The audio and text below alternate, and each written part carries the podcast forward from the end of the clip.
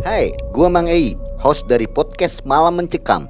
Saat ini gua dan tim sedang bekerja sama dengan Anchor, sebuah aplikasi yang kita gunain untuk membuat dan publish podcast kita ini. Kita mau kasih tahu nih, ternyata membuat podcast itu gampang banget dan 100% gratis. Selain gampang dan banyak digunain, semuanya yang kita perluin untuk membuat podcast juga ada di dalam Anchor.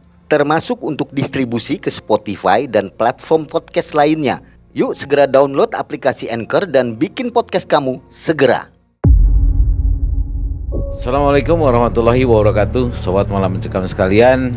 Kita ketemu lagi dengan saya di sini Yudi dan tim malam mencekam yang akan kembali memberikan sebuah kisah perjalanan seseorang yang horor dan mencekam. Sebelah kiri saya sudah hadir seorang narasumber yang akan mengisahkan perjalanan yang dialaminya yang tentunya horor dan mencekam. Kita sapa langsung dengan Kibayan. Kibayan, assalamualaikum. Waalaikumsalam. Waalaikumsalam, Kibayan.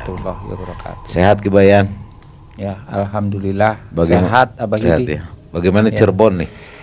Cirebon masih hujan terus hampir tiap hari. Tiap hari ya. Iya.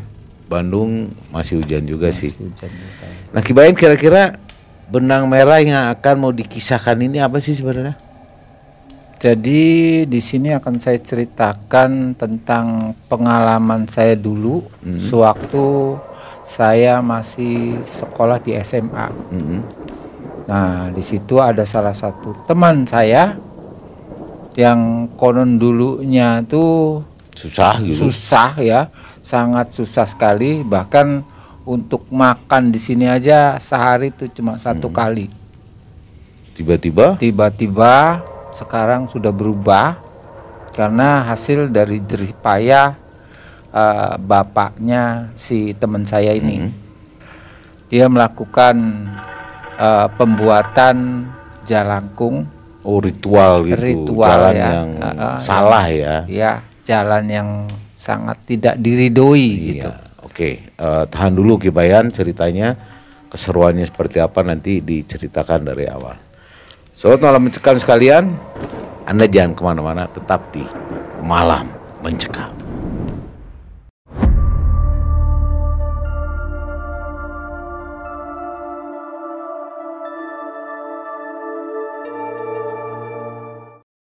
Itu kejadiannya tahun berapa tuh, Kibayan?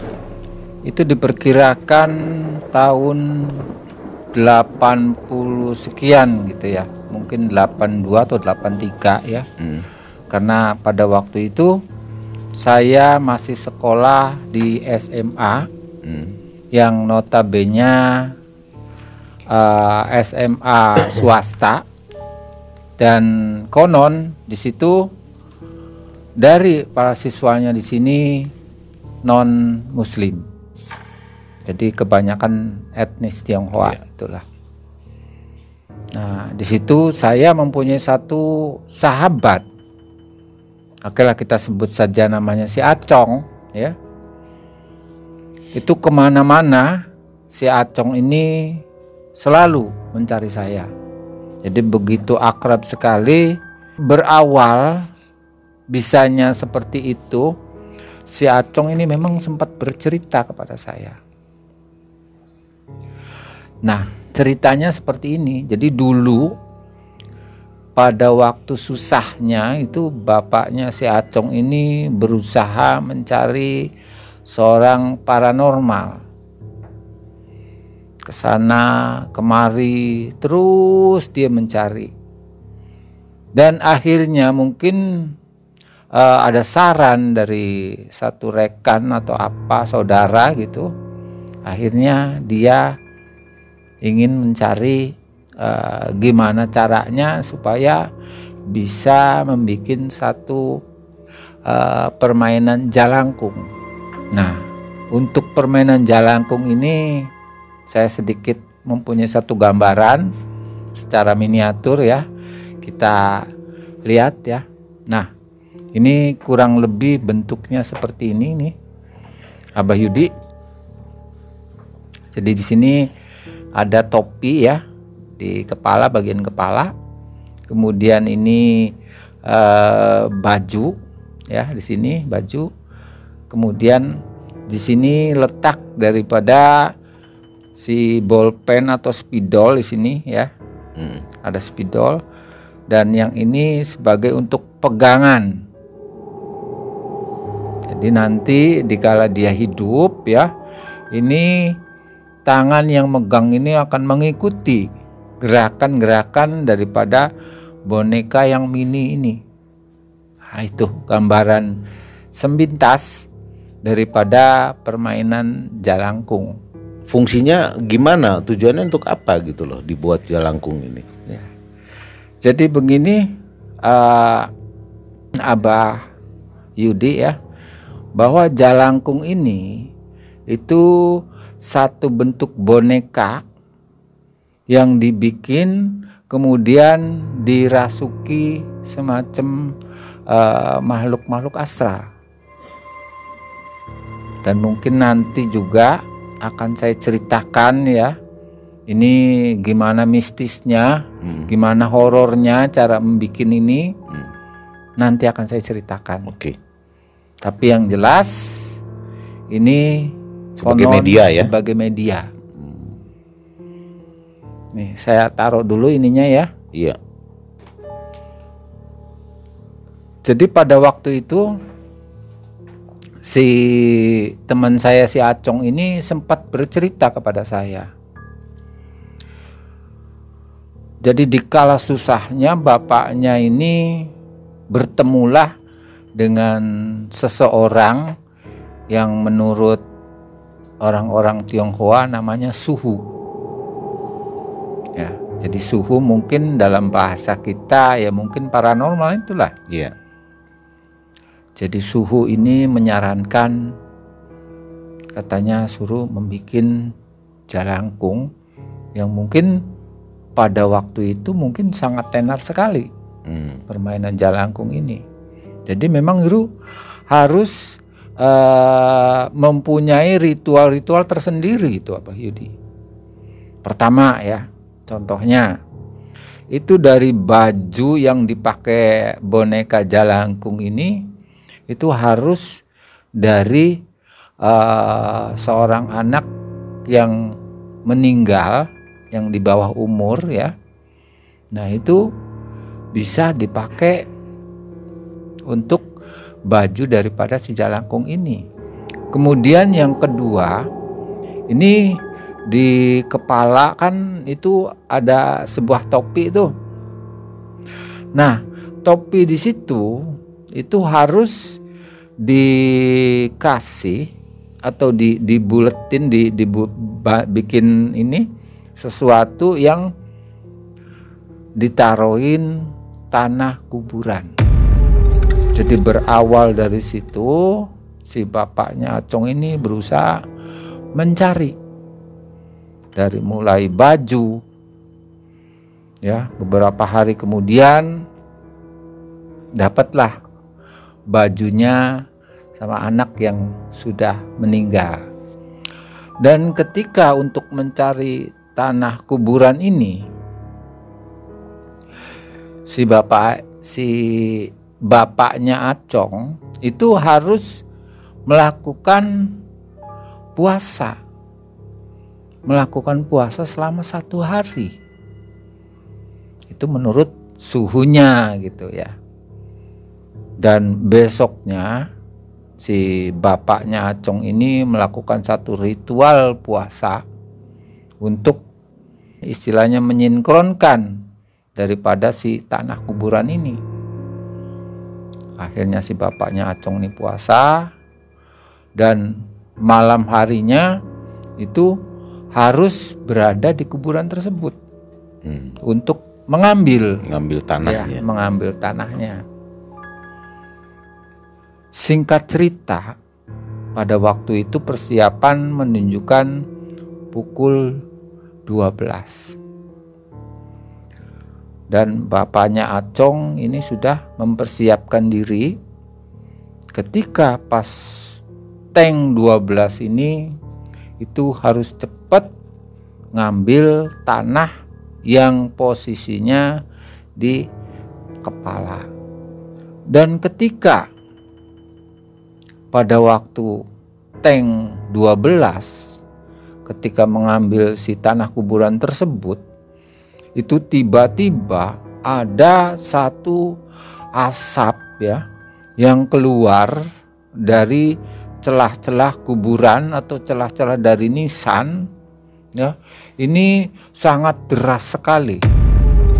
Nah si asap ini keluar dengan sangat cepat sehingga si bapaknya Acong ini terjengkang terpental ya, ke belakang ya. terpental ke belakang gitu. Tapi pada waktu itu dia sempat menggenggam sesuatu gitu. Nah itu. Dan ketika bapaknya Acong ini bangun itu nampaklah satu sosok. Jadi satu sosok apa namanya pocong yang berdiri pas di depan dia. Nah, sedangkan posisi bapaknya Acong ini posisinya duduk. Ya, mungkin uh, bersila gitu ya. Mungkin seperti ini. Hmm. Nah, ini posisi pocong ini ada di depan. Dan si pocong ini nggak diam di tempat aja, dia muter. Ya muter mengelilingi si bapaknya Acong. Dan pas di depan ya itu dia seperti gini ya ngejongkok itu saking jongkoknya gitu tidak terjerembab. Jadi seperti kayak ada apa gitu sesuatu ya. Itu itu pas dilihat ternyata ini dari hidung ya ini masih ditutup kapas dan kemudian di mata juga masih ada kapasnya. Bahkan untuk di mulut sendiri ada satu seringai. Seringai semacam kayak uh, gigi yang lebih ya seperti taring gitu. Ini ada yang menonjol gitu dengan muka yang sangat pucat. Si bapaknya Acong ini sebetulnya mau lari. Nah, justru di situ ada satu pantangan. Artinya dikala si pocong tersebut menampakkan ataupun memperlihatkan jangan sekali-kali lari sebelum waktunya menjelang subuh nanti. Nah, itu sangat pantangan sekali. Dan justru dalam hal ini, ini si bapaknya Acong ini sebetulnya tidak bisa lari. Kenapa? Karena pada waktu itu si kaki ini seperti dipaku. Seperti dipaku. Jadi sehingga dia tidak bisa menggerakkan kedua kakinya untuk lari. Dan klimaksnya pada waktu uh, si makhluk tersebut berada di depan dan dia menyorongkan mukanya di situ si bapaknya Acong ini merasa sangat mual ya, sangat mual. Artinya baunya mungkin karena sudah lebih dari tiga hari ini mungkin udah nggak karuan akhirnya sampai muntah lah bapaknya si Acong ini.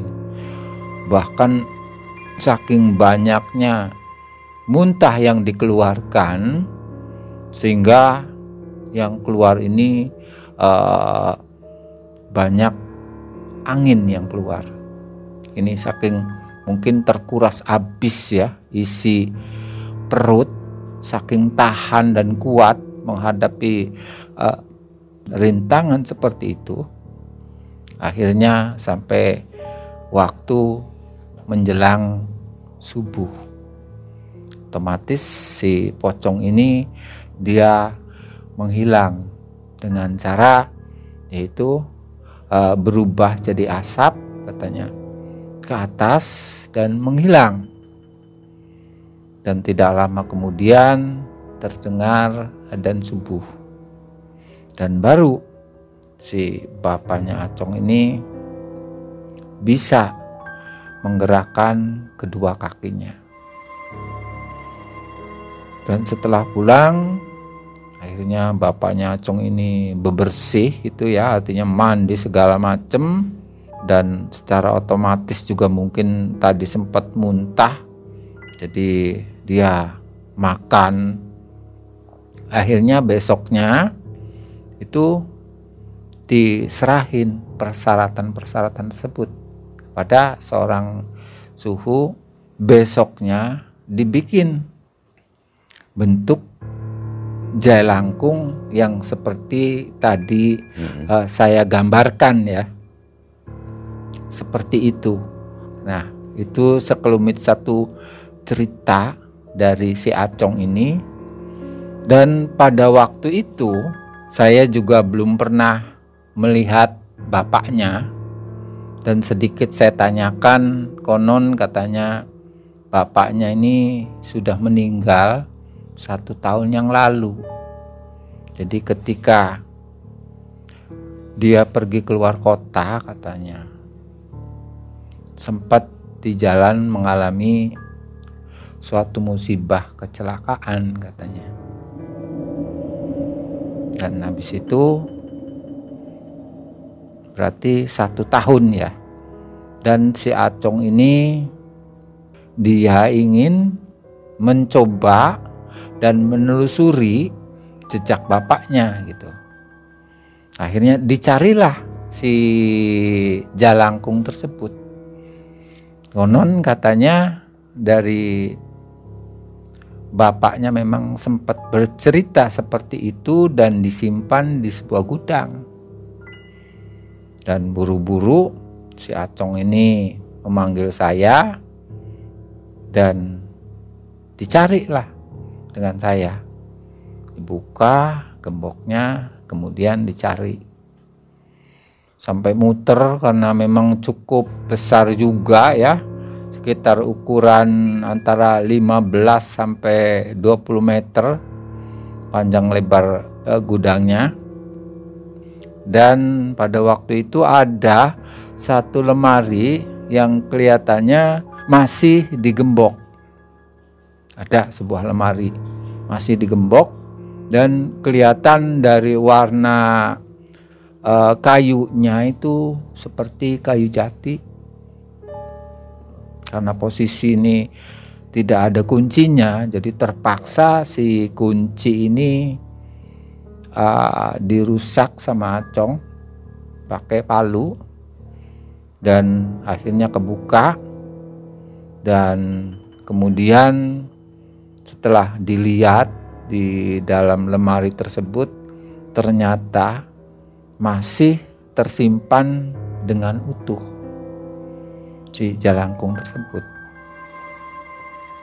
Nah, dia mengambil kemudian diberikan kepada saya dan itulah bentuknya. Jadi di di bawahnya ini ya papan ya seperti ini. Kalau kalau kalau diperlihatkan di sini papan papan. Nah sini bentuk itunya. Bentuk istilahnya tuh bajunya Badannya. atau uh, blangkonnya ataupun topinya seperti ini. Jadi tinggal saya pegang gini uh, selesai akhirnya coba dibawa keluar. Dan setelah dibawa keluar dibersihin sama acong semuanya kelihatan nggak ada sawang-sawang. Dan barulah si acong ini ngobrol dengan saya. Yuk kita main jalangkung yuk. Main jalangkung gimana sih? Memang pada waktu itu saya denger sih ya tentang permainan jalangkung. Cuma ini belum tahu permainannya seperti apa gitu. Jadi ayolah pikir saya tuh karena posisinya benda mati gitu, nggak masalah ya. Akhirnya di mana katanya kita bikin main jalangkung. Ya sudah. Untuk permainan ini harus yang sepi. Tapi kita cuma berdua katanya ini harus mencari satu teman lagi biar kita agak enakan gitu. Kalau bertiga sih bisa mungkin bisa gantian menanyakan gitu. Besoknya tuh sepulang dari sekolah akhirnya dapat namanya si Heri ya. Heri kita ya. samakan ya. Nah, akhirnya setelah dapat dipersiapkan gitu eh, untuk ritual-ritualnya tuh. Jadi dia menyiapkan membuat satu sesajen ya. Kemudian ada satu lilin yang mungkin jarang orang tahu. Jadi gede si lilin itu mungkin segini ya. Satu lengan itu lilinnya tuh. Sediain di situ ada dua.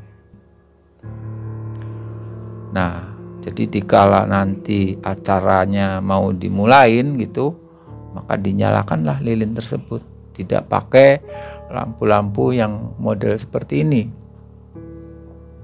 Dan disiapin semua, akhirnya tinggal nunggu waktu malam. Dan sore harinya baru si Acong ini berunding dengan saya, dengan Harry dan juga si Acong maunya ataupun bagusnya ini di mana kita bikin katanya.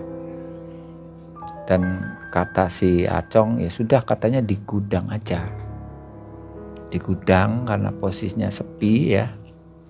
Itu akan lebih seru katanya. Dan untuk kelanjutan daripada pembikinan uh, jalangkung dia membawa satu tali ya dari tali plastik sebesar segini. Itu tali kata saya itu untuk apa? Udah aja diem hanya itu panjangnya kurang lebih 10 meter lah. Udah diem aja. Nanti di sana baru kita uh, akan menceritakan untuk apa gitu. Ya pikir saya tuh tinggal ngikutin aja gitu ya. Nggak susah. Akhirnya waktunya sudah tepat sekitar uh, jam 7 nah ini dia mencari untuk besok katanya. Oke saya siap. Dan ketika si lilin kedua ini dinyalakan ya ini sepertinya cukup tegang. Itu posisinya remang-remang. Daher kamu aja yang pegang. Atau si Heri ini menolak. Karena posisi si Heri ini menolak akhirnya menawarkan kepada saya untuk memegang jalangkung tersebut. Oke lah. Siap katanya. Kan dia tadi sempat membawa satu tampar ya itu kita bertiga taliin sama si Acong ini. Duh, Cong, ini apa-apaan kata saya tuh. Udah kamu diem aja nih. Kalau dalam permainan ini tidak satupun orang yang berada di rumah ini atau di ruangan ini sampai lari. Ya kalau saya sih tinggal manggut-manggut aja dengan si Harry. Kelihatannya si si Harry ini uh, seperti orang penakut gitu. Dia merasa merasa takut. Mungkin nggak tahu dia belum pernah dengar atau gimana. Dia membakar uh, satu bentuk hio, ya, satu bentuk hio dibakar. Kemudian dia mulai memantra-mantra gitu. Dia membaca. Dia sambil diketuk-ketukin apa namanya di jalangkung ini. Ya saya coba ini ya. Kita ambil lagi. Nah ini. Jadi si apa namanya uh, si Hio itu dia puter-puterin gitu sambil ngomong katanya jalangkung jalangkung harus datang di tempat ini gitu nah ini diketuk-ketukin dari kiri kanan dengan Hio tersebut terus berulang-ulang. Nah, dah saya simpan lagi. Dan kira-kira kurang lebih antara 25 menit ini yang saya pegang seperti merasakan satu beban ya satu merasakan beban yang sangat berat dan ketika saya ini merasa berat itu ada satu kepulan asap berwarna hitam ini keluar dari kepala si jalangkung ini. Ini seperti hidup si jalangkung ini.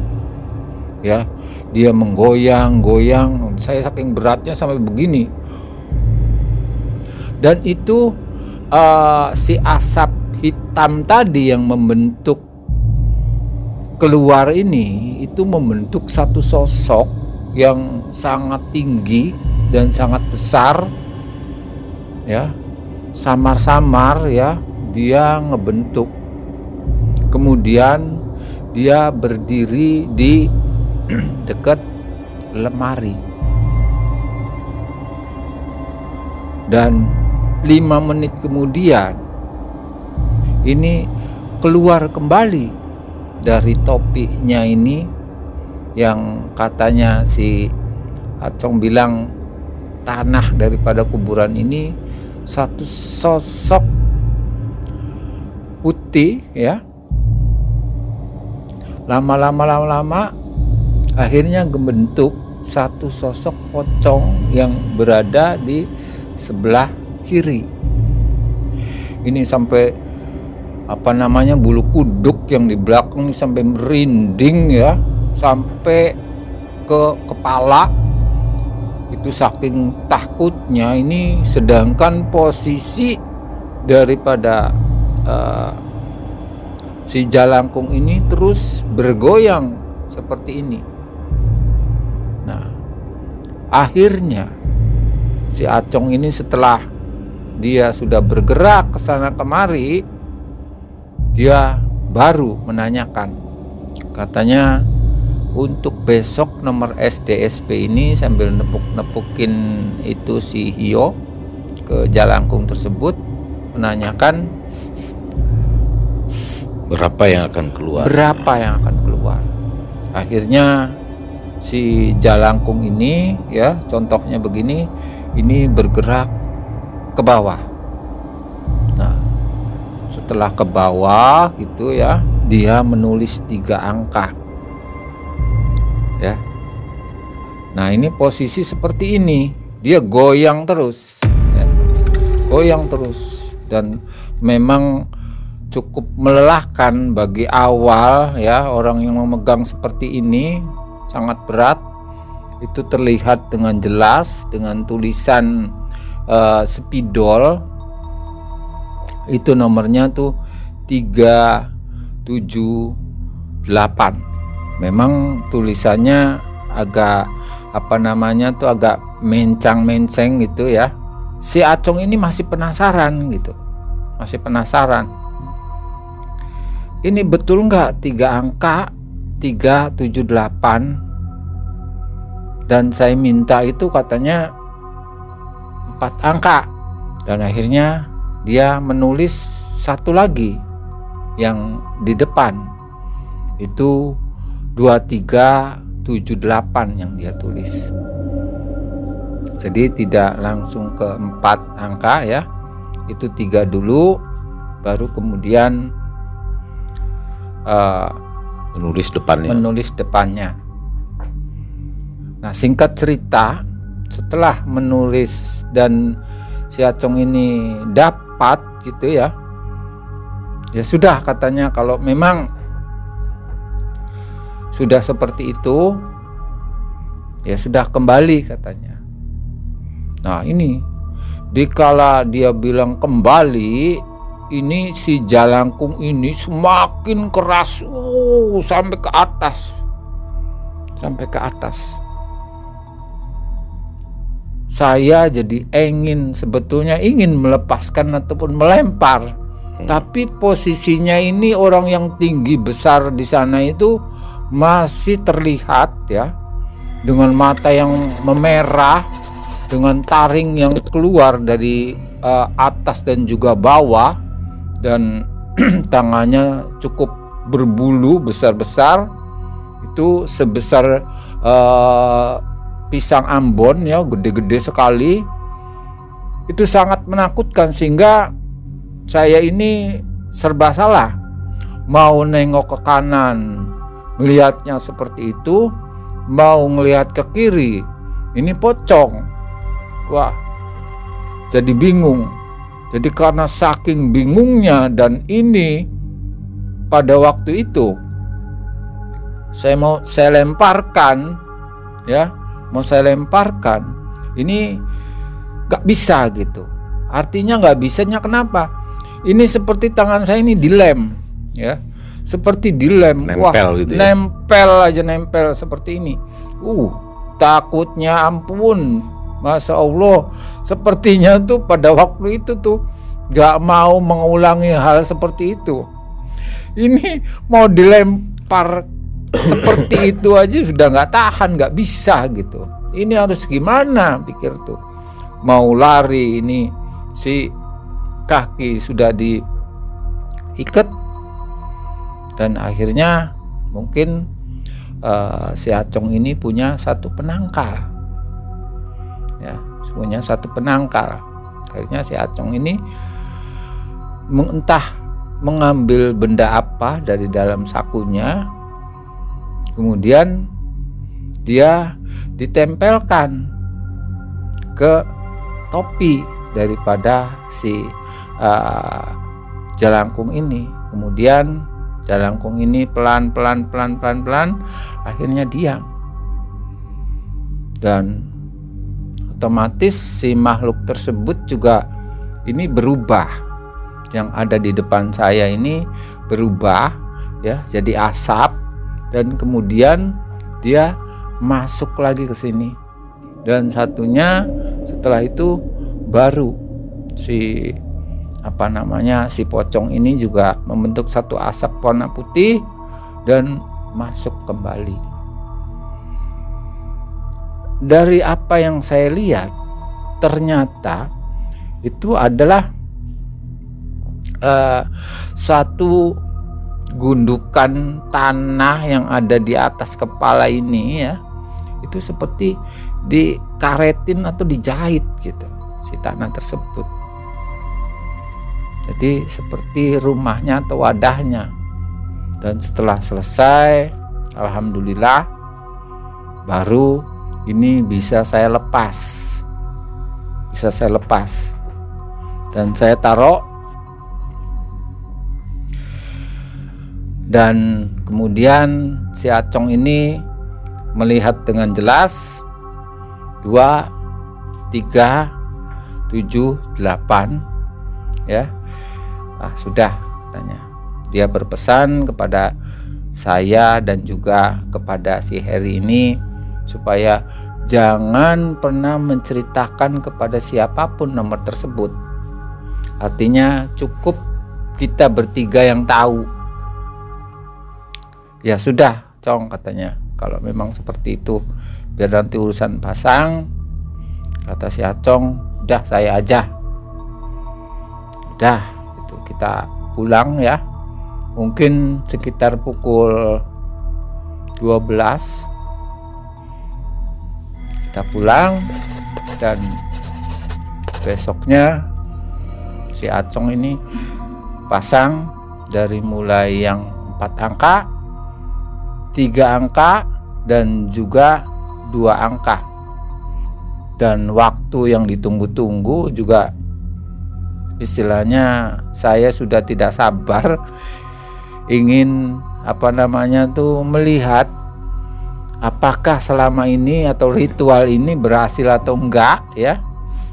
Itu benar-benar pada waktu itu tuh sangat sekali saya mengharapkan.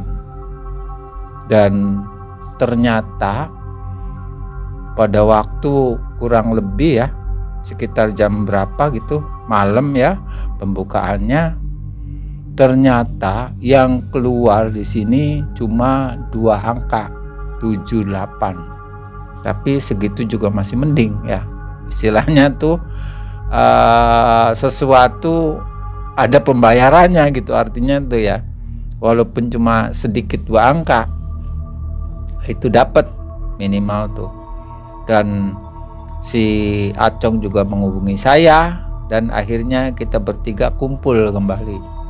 Saya mau nanya nih, Ya. Kibayan. Sekarang kondisi Acong ini gimana? Nah, pada waktu itu posisinya memang dari peninggalan bapaknya aja sudah eh, ataupun masih ada dari toko kelontongnya gitu ataupun rumahnya atau kendaraan mobil juga masih ada. Tapi untuk sekarang ya itu karena mungkin setelah kesibukannya berbeda-beda saya di Cirebon nah, dia katanya pindah ke Jakarta. Itu jadi saya nggak tahu. Hmm. hilang. Hilang kontak. kontak. Gitu. Dengan dia memang pada waktu itu nggak ada handphone. Hmm. iya nggak ada handphone pada waktu itu. Jadi ya nggak bakalan nyambung. komunikasi lagi, komunikasi susah ya. Kalau nggak ketemu dengan sendirinya. Iya. Pernah ketemu terakhir kapan? Nah, ketemu terakhir gitu sekitar 2015. Iya. Kondisinya seperti apa? Kondisinya kalau dilihat dari face ya, itu dia kelihatan hitam. Seperti kayak seseorang yang pekerja keras. Hmm. Ya. Itu. Seperti seseorang pekerja keras itu dengan mukanya hitam tidak apa namanya tuh menancakan bos atau apa gitu. Tidak. Berarti itu menunjukkan kehidupannya mungkin semrawut ya. ada kemungkinan seperti itu. Hmm. dari kelihatan wajahnya ya ada kerut-kerut apa gitu ya bisa inilah bisa digambarkan Iya. dari situ karena memang pada waktu itu ketemu juga singkat ya ketemu di jalan saya ada perlu dia juga lagi ada perlu sebentar ngobrol nggak sempet gimana keadaannya gitu ya Hmm. itu sangat singkat sekali 2015 Nah ini ini mau penegasan juga nih, mungkin ada yang terlewat juga nih. Iya, saya iya. kembali sedikit. ya Waktu bapaknya melakukan ritual jelangkung itu, terus berhasil dia jadi kaya. Nah, waktu bapaknya mela- melakukan itu karena saya tahu dari ceritanya si Si Acong, Acong, ini ya. betul. Si Acong bercerita bahwa bapak ini melakukan satu ritual dari awal sampai akhir itu berhasil. Sampai, Sampai pada ada waktu toko itu ya, beli toko, toko, mobil, mobil, macam ya. rumah ya, motor gitu. Semua ada. Iya. Tapi ketika pada waktu itu si Acong untuk melanjutkan usahanya yang pada waktu itu, Hmm. ya itu tadi karena dia gemar berjudi, Hmm. kembali lagi. Habis ya. Akhirnya mungkin ya itu habis. Eh, setahun kemudian tadi cerita setahun kemudian terus bapaknya meninggal ya Nah itu karena kecelakaan tadi. bapaknya sendiri ya sebelum kita ini membuat ngikuti jejak bapaknya itu satu tahun bapaknya meninggal itu karena satu kecelakaan. Satu tahun dari dari kita bikin jalangkung ini meneruskan si anak Sebelumnya. nih ya sebelumnya bapaknya udah meninggal setahun yang lalu bapaknya ya meninggal. meninggal kemudian lewat satu tahun kita bikin jalangkung yang punya bapaknya Diterusin sama si Acong. si Acong itu Nggak ada tumbal apa gitu. kelihatannya nggak ada Nggak ada tumbal. nggak ada Nah, menurut Kibayan kira-kira sampai saat ini ritual-ritual jelangkung ini masih ada nggak? kalau menurut saya itu sekarang kayaknya memang sudah jarang ya sudah jarang orang melakukan tidak seperti dulu waktu zamannya SDSP ataupun zamannya Porkas Hmm. Orkas ya. itu ya memang masih ada Iya. orang seperti itu Nah dari cerita yang Kibayan sampaikan kira-kira Ah. ada pesan moral nggak ini untuk Nah, kita semua nih untuk sobat MM? iya iya iya. Jadi begini sobat malam mencekam. Kalau yang namanya uang judi itu memang dalam agama kita sangat dilarang sekali apalagi sampai kita memberikannya kepada anak istri. Wah amit-amit ya. Amit-amit Hasil gerbang dari situ ya. Dan untuk yang kedua, di mana itu hasil uang judi itu dia larinya ataupun habisnya jadi nggak karuan. Artinya uang jin dimakan sama setan. Ya, untuk foya-foya, untuk bermain perempuan ataupun untuk berjudi lagi. Gak ada manfaat. Jadi ya. tidak ada manfaat sama sekali. Oke, terima kasih Kibayan sudah berkisah menceritakan tentang hal yang sangat berguna ya buat Ya, kita untuk amin, sebagai amin. cermin ya. Oke sobat MM sekalian, semoga ini bisa memberikan uh, nilai-nilai positif yang kita bisa ambil ya, membuang hal-hal yang negatif. Karena bagaimanapun sebagai umat manusia, yang namanya rezeki itu sudah diberikan oleh Allah Subhanahu wa taala. Cuman terkadang kalau ketika kita iman lemah, kita tidak mengenal agama, maka untuk meraih dunia, menggapai dunia, manusia bisa menghalalkan berbagai macam cara ya.